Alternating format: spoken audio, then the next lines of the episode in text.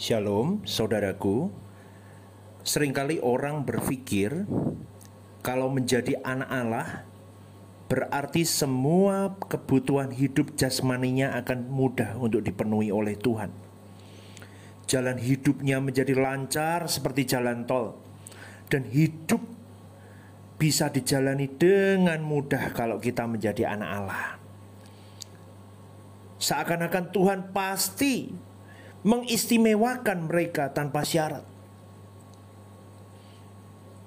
Banyak dari mereka percaya bahwa Allah sebagai Bapa akan menyenangkan anak-anaknya dengan berkat jasmani yang berkelimpahan dalam hidup mereka.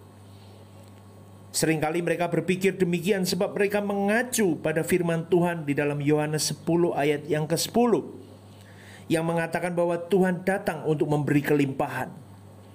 Apakah ini benar? Tetapi faktanya sering malah bertolak belakang.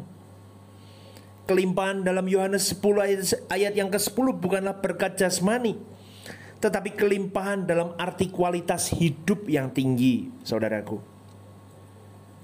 Kualitas hidup yang tinggi tentunya adalah kehidupan yang sesuai dengan apa yang Allah mau dalam hidup kita.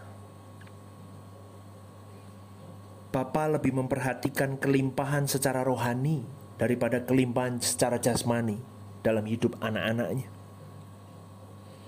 Justru demi kelimpahan secara rohani, engkau dan saya sebagai orang percaya harus dibentuk Tuhan sedemikian rupa dengan berbagai proses hidup yang sering kali tidak nyaman dan sering kali kita mengata, mengatakan adakah Tuhan dalam hidupku kok rasanya Tuhan tidak turut campur dalam persoalan hidupku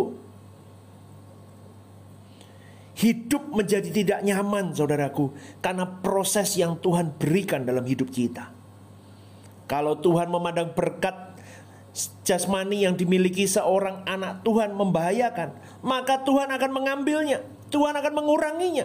Bahkan sampai pada tingkat ekstrim, Tuhan mengambil semuanya.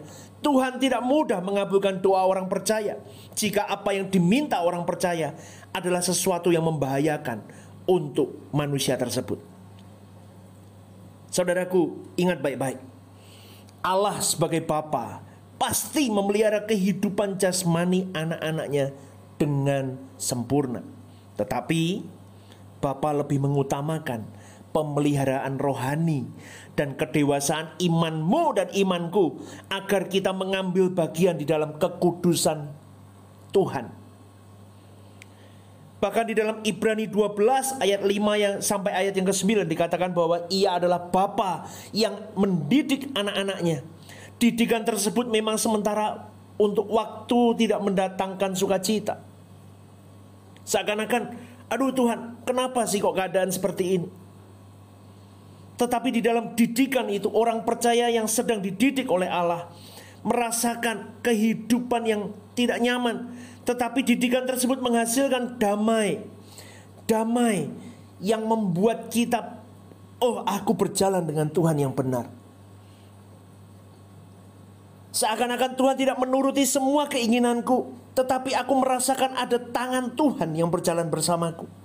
Ketika aku harus melalui semua masalah kehidupan yang berat ini. Tetapi kalau konsep pemahaman kita yang salah kepada Allah, seakan-akan Allah kita sandra di dalam pemikiran kita, sehingga sehingga Allah tidak berdaya untuk menolak permintaan dan keinginan umatnya. Nah, itu loh yang salah dengan pemahaman yang salah itu. Seakan-akan Allah tidak memiliki kepribadian dan integritas sebagai pribadi Allah yang sesungguhnya. Padahal Allah memiliki tatanan di dalam dirinya dan itu tidak akan terganggu oleh apa pun kecuali kehendak Allah yang terjadi di dalam tatanannya.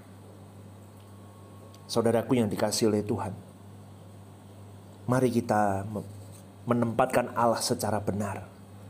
Mari kita memandang kebutuhan mana yang lebih urgent dalam hidup sebagai orang percaya. Kebutuhan jasmani memang penting. Yes, saya katakan penting.